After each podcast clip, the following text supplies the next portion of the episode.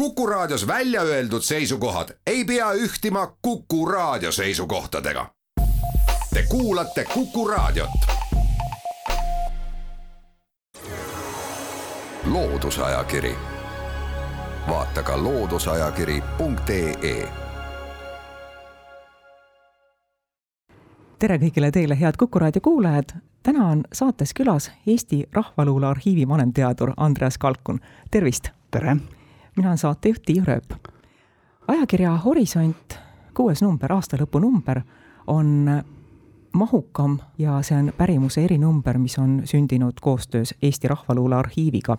miks ma palusin Andreasel tulla saatesse külla, seda sellepärast, et Horisondis on tal artikkel, mille pealkirjaks on Milleks meile ropp rahvaluule? enne kui ma jõuan selle küsimuse juurde, milleks meil seda vaja läheb, tahaks pärida hoopis mitmeid teisi asju. ühest küljest meie keel on nii palju muutunud, et võib-olla mõni asi, mis sadakond aastat tagasi ei olnud sugugi ropp, on praegu meie jaoks muutunud ropuks. teine, kui näiteks kahekümnenda sajandi alguses elas meie rahvastikust kolm neljandikku maapiirkonnas ja üks neljandik linnas, siis selge on see, et linna ja maainimeste kõnepruuk oli erinev soovikski teada saada, kas meie arhiivimaterjalides kajastub ka see, et kolm neljandikku pärimusest on kogutud maalt ja üks neljandik linnainimeste käest? jaa, kui rahvaluulet hakati koguma süstemaatiliselt, siis oli, siis rahvaluule teadus uskus, et rahvaluule on selline asi, mida leiab ainult äh, siis alamates ühiskonnaklassides ja kui need alamad ühiskonnaklassid saavad haritud, siis rahvaluule kaob nii et äh, kui rahvaluule kogumist alustati, siis Eestis äh, estofiilid, kes alustasid Eesti rahvaluule kogumist, siis nad loomulikult ei kogunud omasugustelt, vaid, vaid mindi maale ja, ja küsiti Eesti talupoegade käest rahvaluulet. tänapäeval me muidugi teame, et äh, rahvaluule ei kao ära, et rahvaluule on ka linnas ja kui me kuulame, jälgime Eesti meediat, siis me näeme, et kuidas see rahvausund on nii, nii oluline ka tänapäeva inimese jaoks igasugused nõiad ja ennustajad on nagu äh, ka tavameedias sellised, kes saavad palju kuulajaid ja jälgijaid. aga jaa, et äh, kui rahvaluulet hakati koguma, siis oldi kindlad, et seda leiab eriti just alamatest klassidest ja harimate inimeste hulgast. ja alati rahvaluule kog-, kui on hakatud rahvaluulet koguma, siis on olnud selline hirm, et see kohe, kohe saab otsa, et kohe, kohe see põlvkond, kellel on seda, kaob ära õnneks see pole nii juhtunud, loomulikult rahvaluule muutub, aga see kunagi ära ei kao.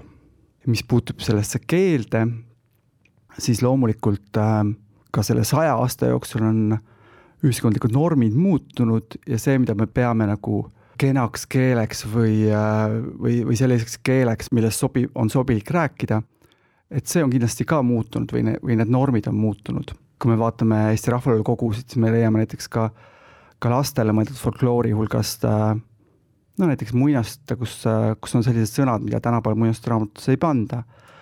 näiteks kana situb, et, et äh, noh, tänapäeva kirjanik pigem ei pane sellist, sellist lauset sinna muinasjuttu, mis on mõeldud lapsele, aga ilmselt tol ajal olid need äh, piirid natuke erinevas kohas. see pärimus, mis meil praegu Eesti Rahvaluule arhiivis tallel on see on jõudnud sinna läbi mitmete inimeste ja ma eeldan, et nendel mitmel inimesel, läbi kelle ta sinna jõudnud on, on olnud sisemine tsensuur. see inimene, kellelt pärimust koguti, tema võis mõelda, kas üks või teine asi on kõlbulik pärimuse kogujale edasi rääkida ja neid põhjuseid, miks ta mõne asja rääkimata jättis, võis olla mitu. inimene, kes kogus rahvaluulet, ka tema sisemine tsensuur võis öelda, et seda lugu ei tasu talletada. ja siis need inimesed, kes otsustasid, kas midagi säilitada Rahvaluule arhiivis, ka nemad võisid mõelda, kas üks või teine pärimus on väärt säilitamist. kas vaadates arhiivimaterjale, saab öelda ka, et mõni rahvaluule koguja väärtustas kõike, mida talle usaldati, aga mõni ikkagi valis, mis sobib, mis mitte? alati rahvaluule kogumine on suur valimine et äh, tänapäeval, kui me paneme salvestusaparaadi käima, siis äh, see, et kui me vajutame pausi nupule, et see on selline, alati selline poliitiline valik, eks ju. ja, ja veel nagu äh, reljeefsemalt tuleb see välja kirjutamise puhul, et me ju, see on ju palju keerulisem protsess, et kui me midagi võtame üles kirjutada ja kuhugi saata, et see on nagu ikkagi see raamatusse raiumine, see on selline suur otsus ja, ja just sellise obsöönse rahvaluule puhul, mida on nii nimetatud, on alati see küsimus tekkinud, et kas see on väärt, et seda jäädvustada. ja, ja seda nii äh, siis nendel esitajatel kui kogujatel kui ka arhiivil, et kõik need äh, instantsid on seda alati nagu äh, ka diskuteerinud, et meil leidub arhiivis palju tekste, kus on juures saatekiri, et, et vaadake, et kas see sobib, et äh, ma pole kindel, et see sobib, et, et mulle tundub, et see on nagu, see võib-olla ei ole väärt, et arhiivi panna, aga igaks juhuks saadan.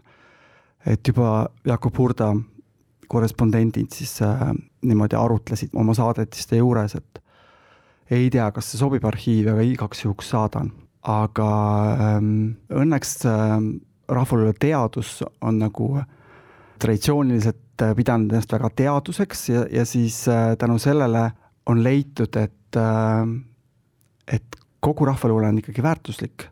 isegi fragmentsed osad, mis ei ole nagu tervikuna säilinud, võivad olla olulised millegi mõistmiseks ja samamoodi äh, ka moraalselt või äh, või usundiliselt või mis iganes, äh, mis tundub tänapäeval küsitav või väheväärtuslik, et sellel võib olla mingi väärtus. ja Eesti rahvaluule kontekstis muidugi äh, on olnud selline, võiks öelda isegi regilaulu fetiš. et me teame, et see meie regilaul on tuhandeid aastaid vana ja, ja siis iga, iga regilaulu kübe, mis on leitud, et see on nagu ikkagi hoole armastusega arhiivi pandud. ja isegi, kui see selle sisu on siis nagu tänapäeva moraalinormidega või esteetiliste normidega nagu vastuolus. nii et tänu sellele, et seda regilaulu on hinnatud, on ka, on ka näiteks ropud regilaulud kirja pandud, pigem. Me teeme jutuajamisse Eesti Rahvaluule Arhiivi vanemteadur Andreas Kalkuniga väikese pausi. loodusajakiri, vaata ka looduseajakiri.ee loodusajakiri tuli pausilt tagasi. kuku raadio stuudios on folklorist Andres Kalkon, saatejuht on Tiiu Rööp. tänasel saatekülalisel ilmus ajakirja Horisont kuuendas numbris, mis on läbinisti pärimuse erinumber, intrigeeriv artikkel meie obstsöönsest rahvaluulest. mida üldse sisaldab niinimetatud parketikõlbmatu pärimus kas see on seotud seksuaalsete teemadega, kas seal on selline sõnakasutus, mis meie tänapäevases keeles lihtsalt ongi ropp ja, ja rõlge või on seal selliseid teemasid, mis meie praeguste suhtumistega inimestesse ja loomadesse kuidagi kokku ei klapi? me ei saa tolerantselt suhtuda sellesse. seal on kõike seda väga erinevat materjali ja see, mida me praegu hästi üldistatult nimetame ropuks rahvaluuleks meie vestluses ja mida traditsiooniliselt on öeldud obsöönne rahvaluule et see tegelikult on väga-väga erinev materjal ja eripalgeline ja ka juba algselt olnud erinevate funktsioonidega. et selle hulgas on tõesti selliseid žanre, mille eesmärgiks ongi olnud äh, just hästi mahlakalt, hästi ropult midagi öelda, näiteks äh, usundiga seotud mingid ütlused, kus ongi oluline just väljendada väga ropult, et kaitsta ennast näiteks, et, et kutsuda esile mingi reaktsioon. aga seal on ka näiteks pulmalauludes äh, pulmas toimunud sellised äh, nii-öelda vastastikused sõimamislaulud, et seal oli ka tavaks kasutada sellist keelt, mida tavaliselt ilmselt ei kasutatud ja, ja kuna me tänapäeval selliseid pulmi enam ei pea, siis tundubki nagu natuke uskumatu ja imelik, et kuidas nad siis tõesti avalikus ruumis niimoodi nii ropult võisid kedagi lauluga sõimata. aga et see oli selles kontekstis pulmas ja selles sõimamislaulus oli võimalik niimoodi, niimoodi öelda neid sõnu ja, ja nende inimeste kohta. aga siis on muidugi ka lihtsalt äh, mingid tegevused või asjad, mis on tänapäeval võib-olla suuremate tabudega märgistatud kui varem. näiteks kõik, mis puudutab äh, igasuguseid äh, kehavedelikke, roojamist, urineerimist ja nii edasi, kui kasutada neid tänapäevaseid sõnu, et sellest tänapäeval ei ole kombeks ju avalikus ruumis rääkida, aga et me rahvaluules leiame tegelikult nii proosa žanrides kui ka poeetilistes žanrides äh, kus sellest tehakse juttu. ja sellel on ilmselt ka nagu erinevaid põhjuseid, mõnikord on tõesti usundiline põhjus, näiteks kui pulmalaulus räägitakse peeretamisest või lauldakse peeretamisest, siis ongi küsimus, et miks seda tehakse, et, et miks miks lauldakse, et pruut peeretas, et, et seal ongi nagu me peame uurima seda, et saada aru, et mis see kontekst on, et kas see tähendas, et pruut on hästi viljakas või see tähendas, et pruut äh, on võib-olla mis iganes, et ta ei ole pulmadeks küps või vastupidi, et ta on üliküps, et seal on palju küsimusi, et me ei tea, kuna me ei tunne seda konteksti enam nii hästi, et seda me peamegi uurima. aga jaa, et kindlasti palju asju on muutunud ja mis ei tähenda, et muidugi talupojakultuuris poleks olnud tabusid, et loomulikult oli ka mingite asjade väljaütlemise tabud ja ja, ja seda kõike see rahvaluule, kui seda lähemalt uurida, siis näitab meile. kas erialateadlase kõrv on mõnd folklaulu kuulates mõelnud ka, et kulla sõbrad, tegelikult ei tea, millest see laul päriselt räägib, kas siis seetõttu, et ei teatagi rahva pärimust, millega see lugu seotud on, see laul seotud on, või mõned äh, murdekeele sõnad, nende tähendust ei teata tänapäeval. leitakse lihtsalt, et selline krapsakas tore laul ja mm. rahvas elab kaasa ja esitame jaa, kindlasti on mingeid selliseid äh, kommunikatsioonihäireid või valesti arusaamisi, sest äh, näiteks rahvaluule tänapäeval vajabki sageli tõlkimist, et äh, see kontekst, kus see laul või jutt on sündinud, on meile juba tundmatu peaaegu, kui me ei ole erialaspetsialistid. et selleks me vajamegi seletamist ja, ja arutamist selle üle. just hiljuti üks Soome rahvamuusika uurija Heidi Haapoja küsis mu käest, et kas Eestis on ka niimoodi, et et rahvamuusika töötlejad on kasutanud just seda obsöönset osa pärimusest ja ma pidin talle ütlema, et mul tegelikult ei tule meelde, et kuigi rahva, rahvamuusika töötlusi on palju, aga aga neid obsöönseid laule väga palju ei ole avalikkuse ette toodud.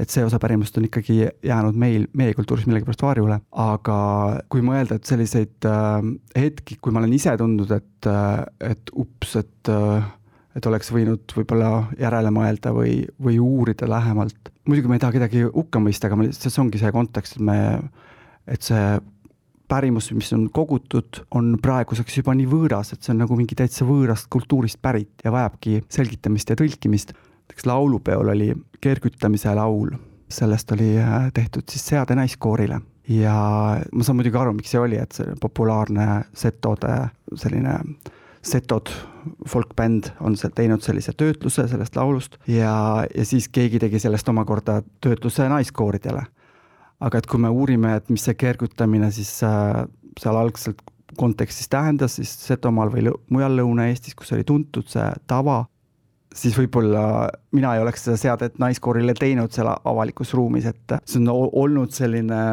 viljakusmaagiline rituaal, kus naised hüppavad pinkidega, imiteerivad nii-öelda suguühet selle liikumisega, aga muidugi, kui see laul oli laulupeol, keegi pingi peale hüpanud, aga oli väga selline romantiline liigutus, liigutamised sinna juurde mõeldud nüüd ongi see aeg ja koht küsida, miks on meil oluline, miks on vajalik, et me säilitame nii-öelda ropu sisuga rahvaluulet? ma arvan, et see on nagu ähm, üks mosaiik ja seal on need ropud kivikesed puudu, siis me tegelikult ei, ei saa aru, mis pilt selle mosaiigiga moodustub. et mulle tundub, et ähm,, et selleks, et aru saada, milline oli Eesti rahvakultuur millised inimesed elasid, kuidas nad mõtlesid ja millised olid nende väga erinevad elutahud, nende seksuaalelu, nende uskumused, nende hirmud, et selleks kõigeks on vaja võimalikult palju neid killukesi. Ja ma arvan, et ka sellel pärimusel, mis täna võib tunduda kohutavalt ropp ja vastik, et sellel on ikkagi tulevikus mingi väärtus. Ja kui Jakob Hurda kaastöölised siis üheksateistkümnendal sajandil lõpus need üles kirjutasid siis äh, nii mõnigi neist on tegelikult äh, tänaseks raamatusse raiatud ja neist on, neid on analüüsitud ja, ja neist on midagi kirjutatud, et see ei ole olnud selline hirmus ja mõttetu ja kole osa arhiivist, vaid see on tegelikult olnud väga informatiivne ja, ja vajalik. ja ma arvan, et äh, ka tänapäeval rahvaluule kogujad ju tegelevad kogu selle pärimusega või me peaksime tegelema kogu, kogu pärimusega, et me, me ju ei otsusta, et äh, see osa pärimusest mulle ei meeldi. kui see on nagu levinud, siis meil on ikkagi kohustus seda mingil määral jäädvustada. tänaseks lõpetame. kellest ärkas huvi meie parketikõlbmatu pärimuse vastu, siis ajakirja Horisont pärimuse erinumbrist saab sellest lugeda saatekülalise Eesti Rahvaluule arhiiv vanemteadur Andreas Kalkoni artiklist. saatejuht ütleb tänusõnad külalisele ja kõigile kuulajatele, aitäh teile, jälle kuulmiseni! Loodusajakiri, vaata ka looduseajakiri.ee